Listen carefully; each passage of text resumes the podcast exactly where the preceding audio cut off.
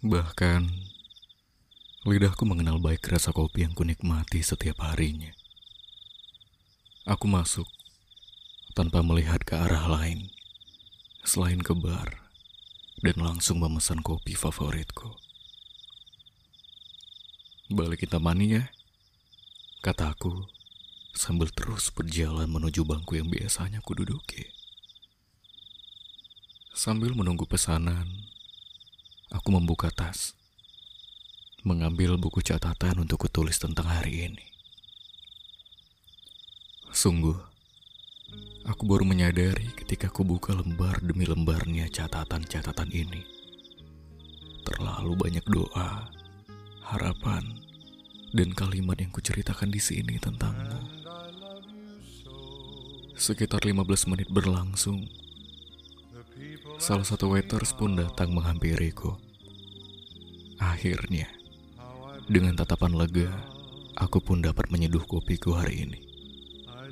Dengan rasa yang sama, namun mampu membuatku jatuh cinta berulang kali dengan harumnya. Kutulis lagi dan lagi tentangmu, tentang betapa kerasnya aku menanti kehadiranmu di sini, di tempat kita kali pertama berjumpa.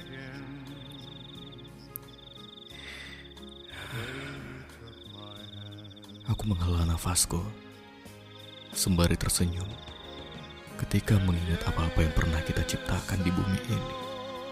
Tidak, tidak pernah aku menyesali itu. Bersamamu dulu. Namun percayalah kasih, aku masih menantimu. Dengan hari-hari yang terkadang membuat atmosfer hatiku tak karuan. Kadang aku bahagia kalau memutar ulang rekaman kisah cinta kita saat kau tertawa dan aku hanya mampu tersenyum melihat mendengar gelak tawa itu. Kadang juga aku berduka mengingat bagaimana kau pergi membuat aku merasa benar-benar kehilangan jiwamu. Beberapa customer yang duduk bersama pasangan tercintanya tampak menikmati waktu dengan lagu 70-an yang menambah kemesraan mereka itu. Sedangkan aku sendiri masih menikmati penantian. Mengharap langkahmu datang memasuki pintu masuk. Dengan kaki jenjang yang indah, memakai high heels berwarna coklat, menawan, yang biasa kau gunakan ketika kita akan menghabiskan waktu bersama sepanjang malam. Masih kutulis tentangmu, berdoa dan berharap kau kembali kepadaku yang masih begitu sangat mencintaimu.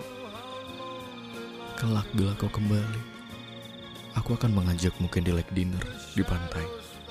Berdua, kita akan merayakan kembalinya cinta kita dengan sebotol rose wine kesukaanmu tentunya dan membiarkan kita tenggelam pada ombak yang sudah lama kita nantikan. Aku rela berpuasa satu malam tanpa kopi. Itu akan kulakukan jika kau kembali. Jika tidak juga kembali, berarti aku harus melakukan aktivitas yang sama seperti biasanya.